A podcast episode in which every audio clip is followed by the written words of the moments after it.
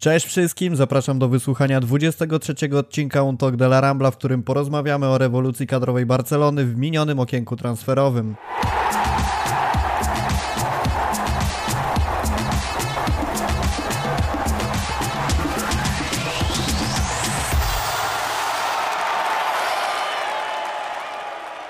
Stare piłkarskie pożykadło mówi, że zwycięskiego składu się nie zmienia, a zatem na ten podcast wychodzimy w identycznym zestawieniu jak na poprzedni podcast, czyli jest ze mną Maciej Łoś. Cześć, witam wszystkich. Ja nazywam się Rafał Kowalczyk. Zachęcam do subskrypcji kanału. Ciągle pojawia się coś nowego, nowe odcinki podcastu. Szykujemy dla Was wiele niespodzianek, także warto być na bieżąco. Zostawcie łapkę w górę, udostępniajcie nasze materiały, będzie nam naprawdę bardzo miło. Porażka 8-2 z Bayernem oznaczała tylko jedno: to, że Barcelona musi przeprowadzić rewolucję kadrową, żeby do następnego sezonu przystąpić znacznie lepiej przygotowana, żeby zadowolić kibiców lepszymi wynikami, a przede wszystkim, żeby zapełniać gabloty w muzeum kolejnymi pucharami.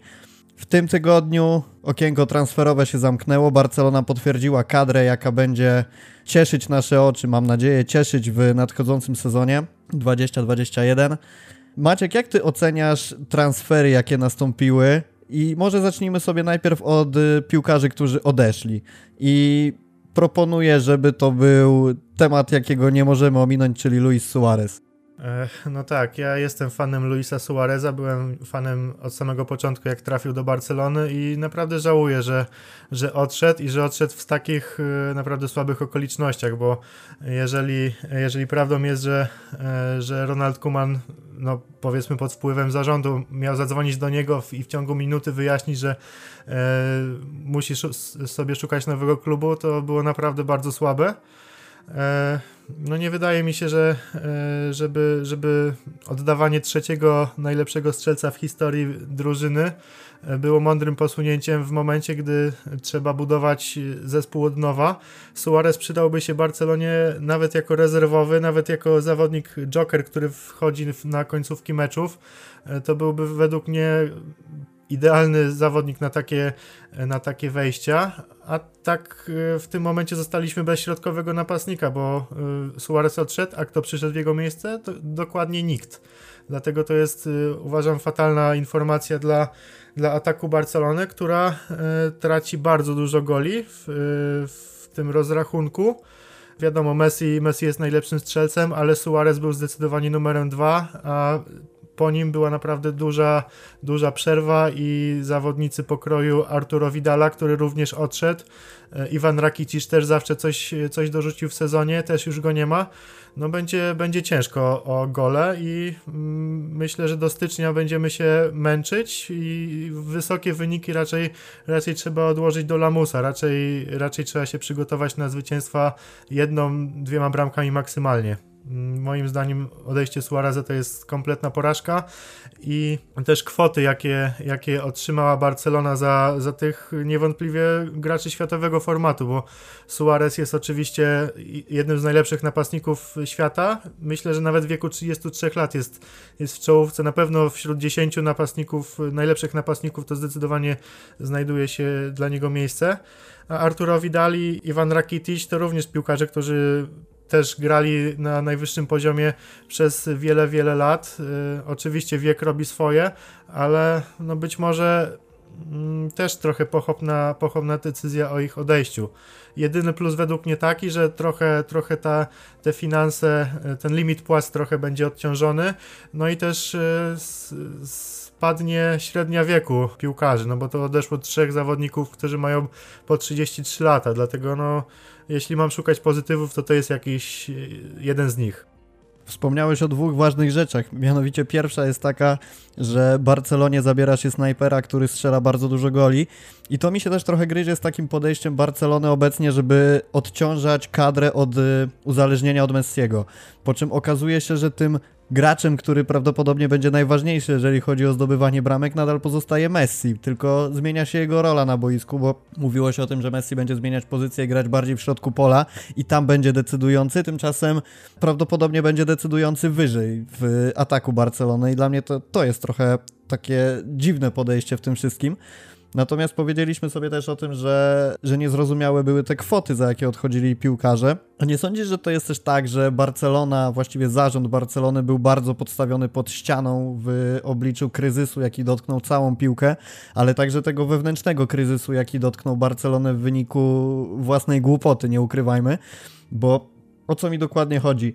Wszyscy wiemy, że Suarez jest wart znacznie więcej niż te 0 milionów i tam bodajże 6 milionów zmiennych. Tylko, że z pozycji klubu, który kupuje Suareza, tak naprawdę dlaczego on ma dawać więcej pieniędzy, skoro wszyscy doskonale wiedzą, jaka jest sytuacja w Barcelonie. Zapytamy pierwszą lepszą osobę, z czym ci się kojarzy Barcelona, to będzie Paella, Sagrada Familia i beznadziejne zarządzanie Bartomeu. Jestem tego pewien. I Atletico Madryt nie miało tak naprawdę żadnego powodu, żeby dawać Barcelonie więcej pieniędzy, a Barcelona musiała sprzedawać. Dlatego ja oczywiście z jednej strony rozumiem to, że kibice są bardzo y, zniesmaczeni tymi kwotami, za jakie odchodzili piłkarze, ale z drugiej strony sądzę, że musimy trochę zrozumieć, że w tym wszystkim, w tym bagnie, jakie się zrobiło w zarządzie, ta kwota tak naprawdę była nieunikniona.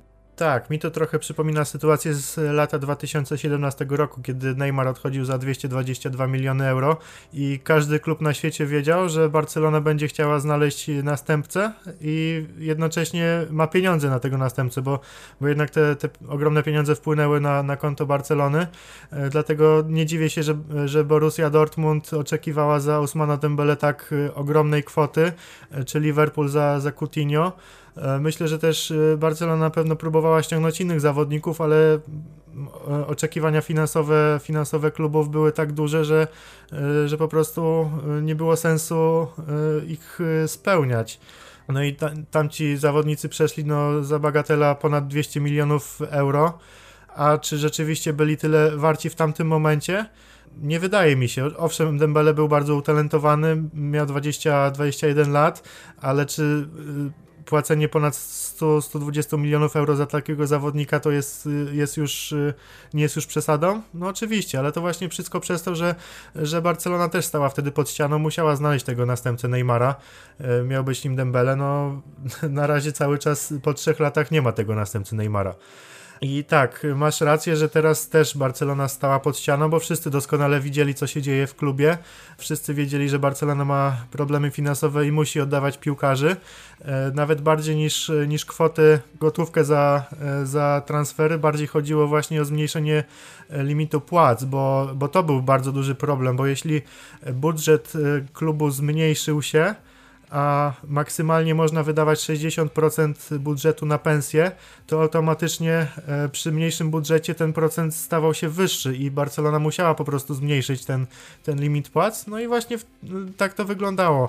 E, nikt nie chciał płacić za piłkarzy Barcelony, a Barcelona musiała ich oddać, także oddawał ich za, ich za bezcen. I i, i przez to mamy takie kwoty, że e, niektórzy piłkarze z ekstraklasy zostali sprzedani znacznie drożej niż, e, niż na przykład trzeci najlepszy strzelec w historii Barcelony i to jest, to jest dopiero, naprawdę to jest śmieszne, ale z drugiej strony co Barcelona miała zrobić? Wdepnęli w to sami, zarząd sam, sam myślę, że jest sobie winien, że prowadził taką politykę przez kilka lat, a teraz mamy tego efekty i, i nie ma co się dziwić, że, że kibice są niezadowoleni moim zdaniem. Ja też jestem bardzo niezadowolony. Tak, no ja też nie ukrywam, że jestem niezadowolony, tylko jakby w tym, w tym całym, w tej, całym, w tej całej sytuacji staram się nieco zrozumieć, dlaczego tak wyszło i, i że jest to tak naprawdę szczyt góry lodowej, natomiast tak jak mówisz, no za, za to, co, co niewidoczne, nadal odpowiadają ci sami ludzie, więc też nie do końca można ich za to usprawiedliwiać.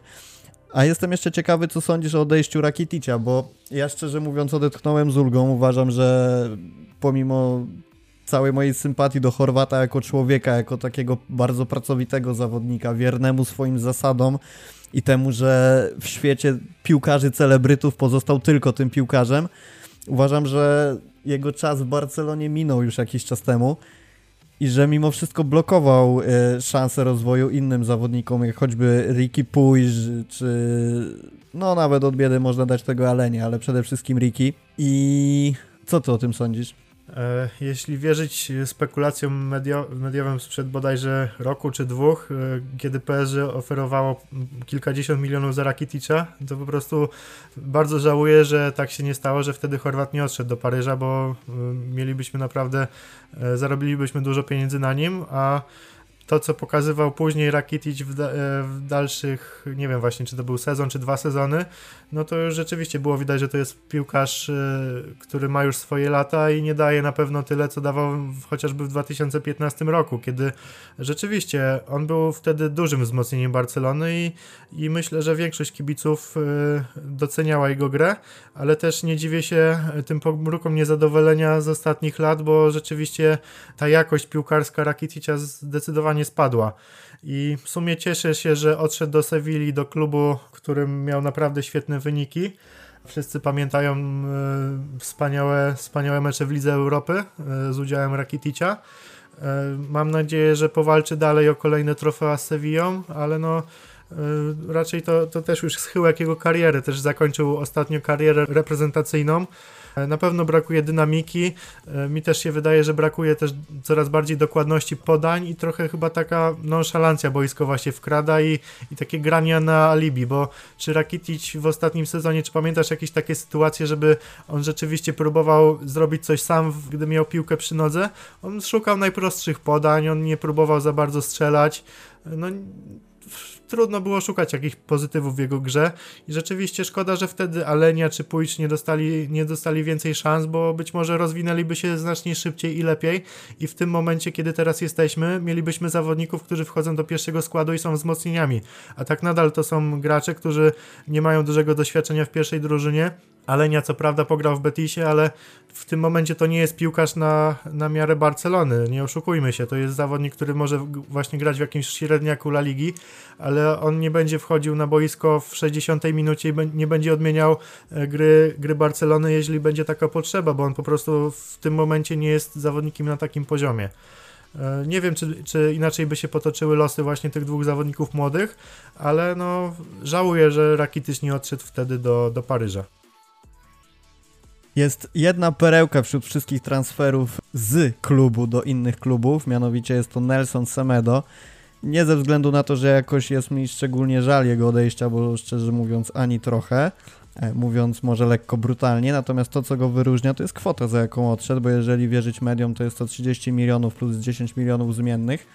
I no szczerze mówiąc, to, to był transfer, którego również bardzo oczekiwałem i liczyłem, że się spełni to, gdzie odszedł, szczerze mówiąc, y, napawa mnie taką iskierką optymizmu, że jeszcze zobaczymy jego dobrą formę, bo Liga Angielska może się okazać dobrym środowiskiem do jego dalszego rozwoju.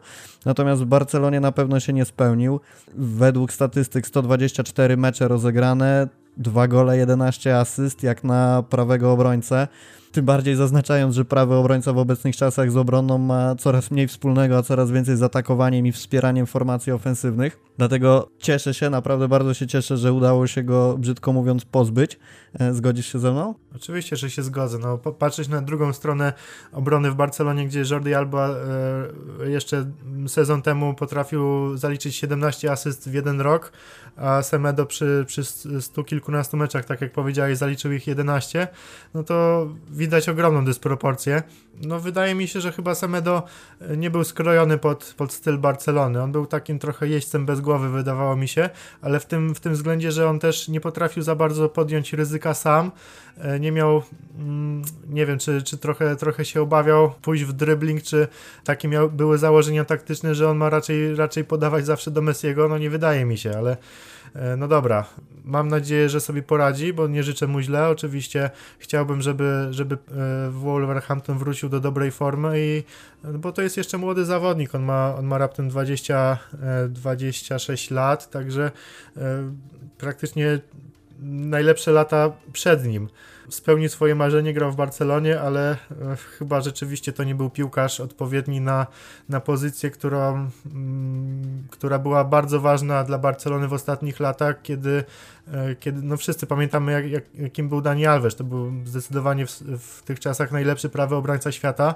E, no i być może też patrzymy trochę przez pryzmat Brazylijczyka na, na, na podtrzymania Semedo, ale nawet jakbyśmy, jakby Alves, jakby odjąć, nie patrzeć na to, co Alves dokonał w Barcelonie, to i tak y, statystyki Semedo są po prostu słabe.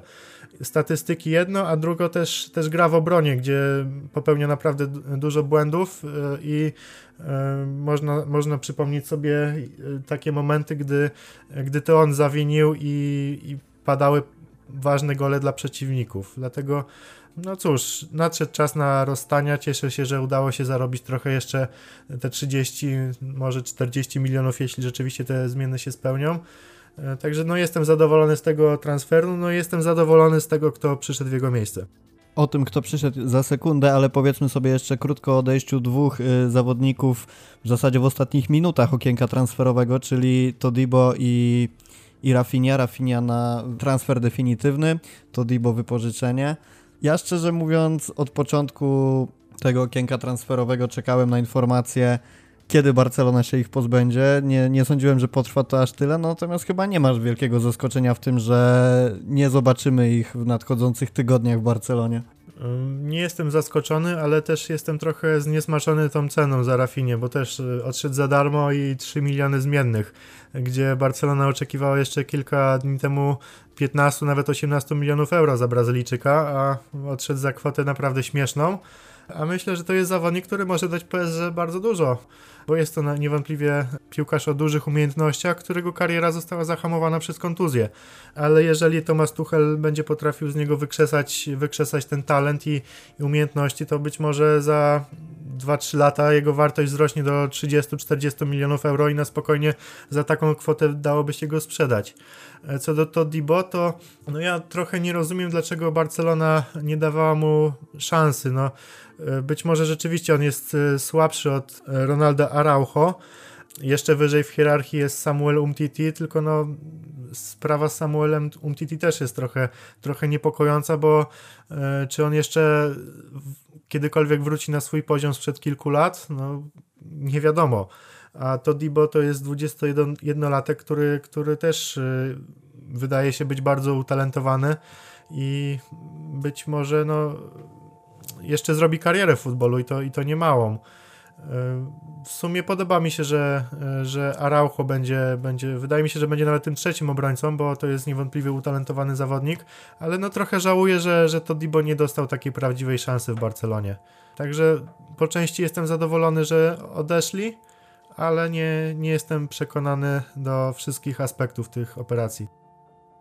Ja pamiętam taki dobry mecz to Dibo z Interem w Lidze Mistrzów i pamiętam, że wtedy głosy co do niego były podzielone, bo wiele osób znalazło bardzo dużo pozytywów w jego grze, ale znalazło się też bardzo dużo negatywów.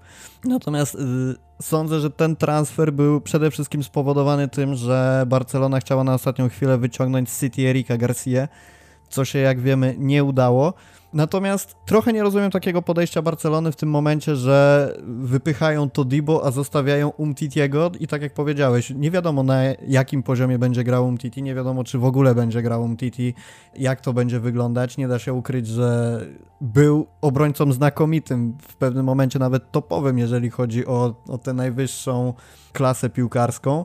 Natomiast teraz to jest jedna wielka niewiadoma i podobnie jak Dembele zupełnie nie wiadomo czego się po nich spodziewać i o tyle w przypadku Todibo myślę, że przede wszystkim moglibyśmy się nieco mniej martwić przynajmniej o, o zdrowie, no. Zobaczymy jak to będzie wyglądać, natomiast ja po Umtiti nie, nie oczekuję naprawdę wiele i nie spodziewam się, żeby dał nam wiele w tym sezonie, zobaczymy, może się mylę.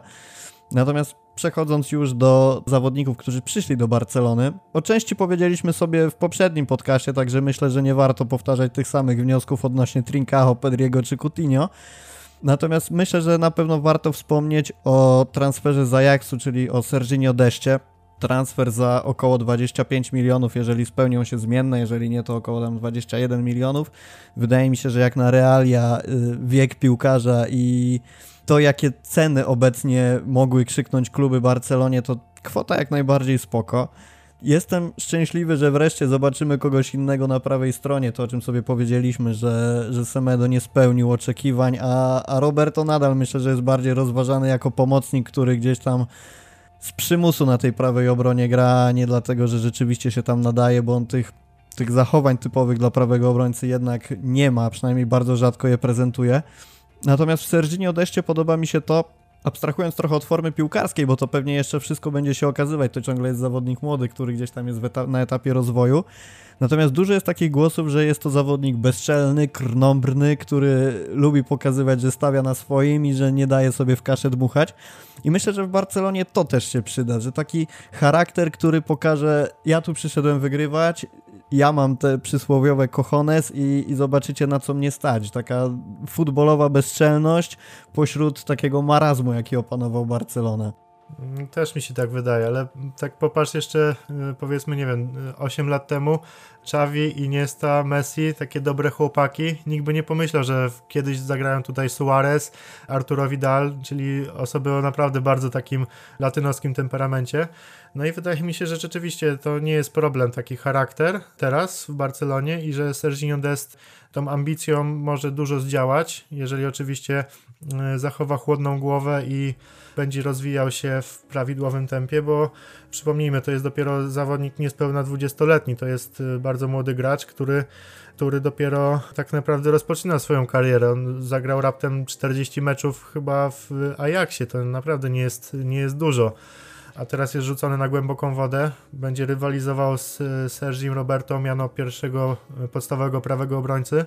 Zawodnicy o zupełnie skrajnych cechach Także wydaje mi się, że to może być też ciekawe połączenie, że Sergi Roberto będzie wchodził na przykład w momentach, kiedy, e, kiedy Dest nie będzie, nie będzie dawał rady w obronie, bo też mi się wydaje, że, że Dest jest bardziej takim ofensywnym zawodnikiem, a Roberto będzie wchodził na momenty, kiedy trzeba będzie tą defensywę bardziej prawidłowo ustawić i, i, i skupić się na, na neutralizowaniu ataków przeciwników, a z kolei Dest może dać znacznie więcej w ofensywie, także to, to jest dobry, dobra prognoza.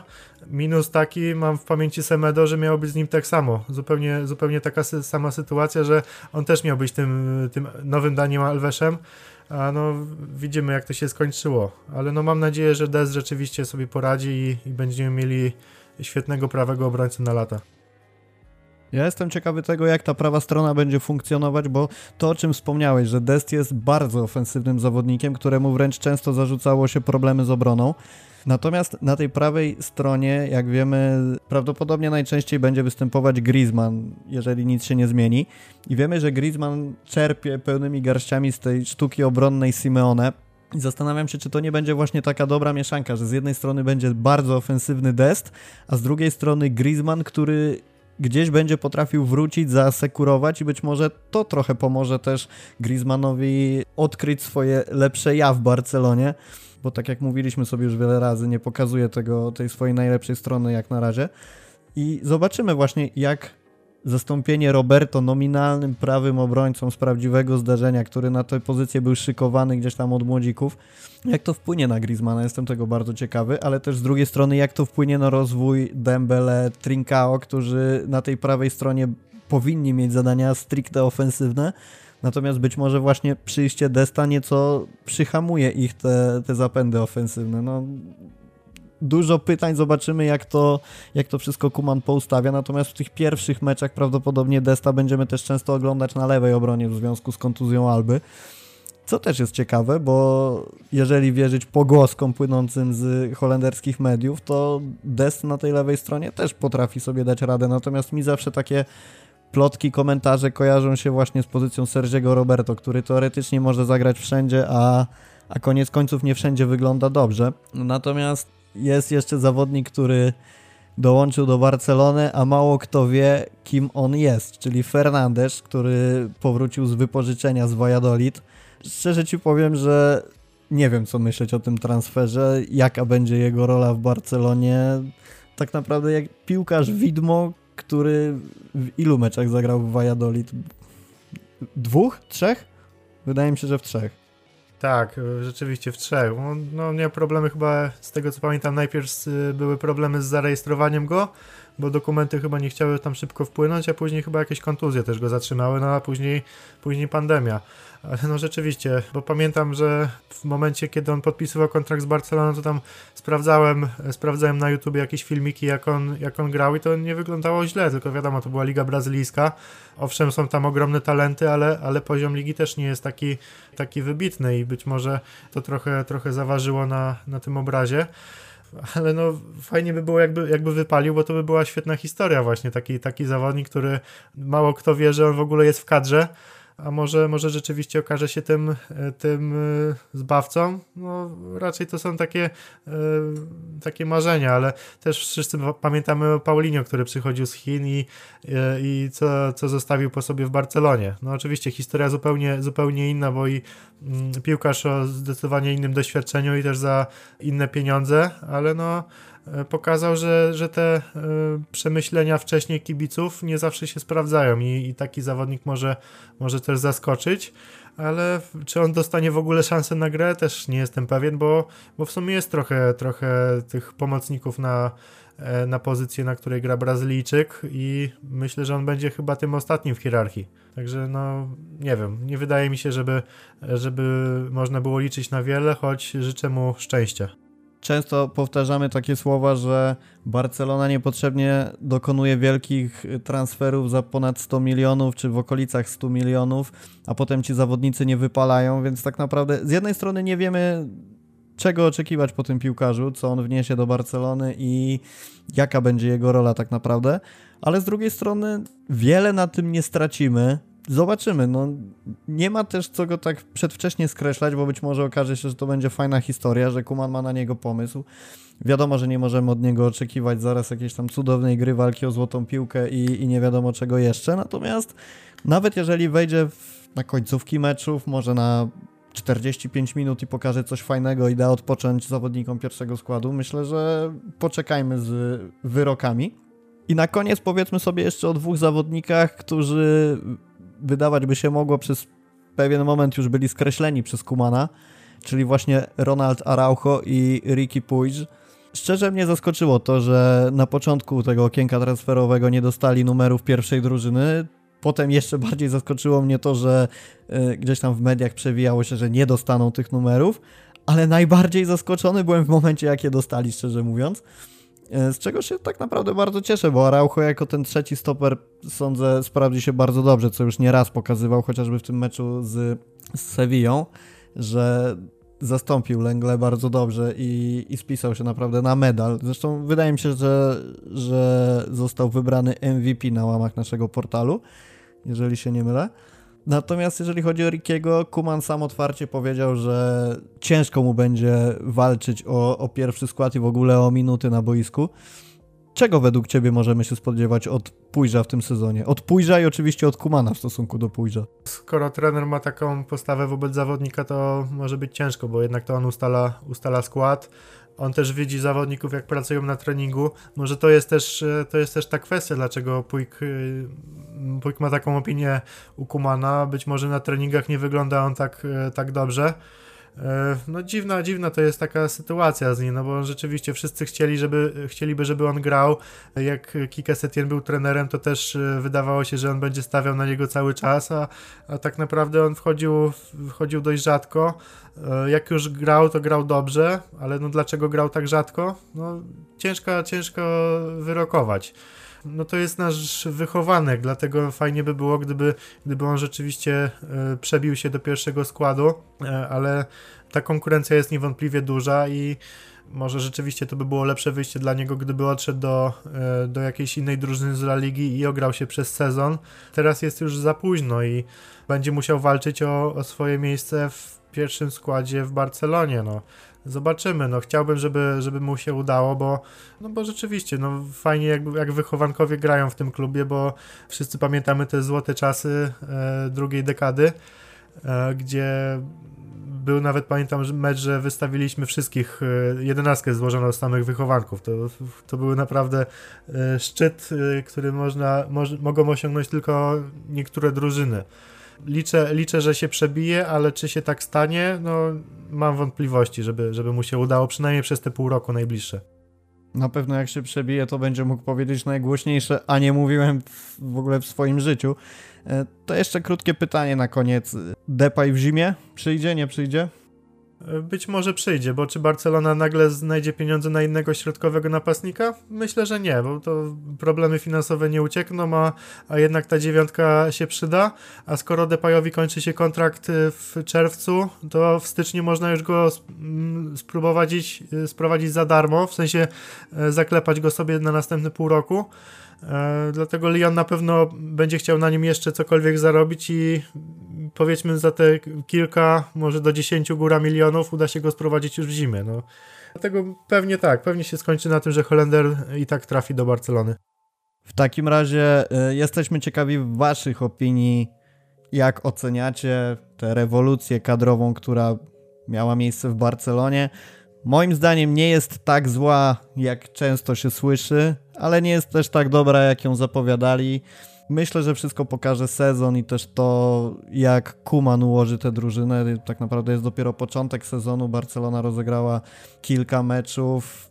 Te mecze też y, wiadomo, że, że nie pokazały jeszcze wszystkiego, czego możemy się spodziewać po nadchodzącym sezonie. Dzięki Wam za wysłuchanie podcastu. Następny już wkrótce. Był dzisiaj ze mną Maciej Łoś. E, dzięki, do usłyszenia. Ja nazywam się Rafał Kowalczyk. Zapraszam do sprawdzenia innych materiałów na naszym kanale na YouTubie. Subskrypcji, łapki w górę zawsze bardzo chętnie przyjmiemy. I do usłyszenia w kolejnym odcinku. Dzięki.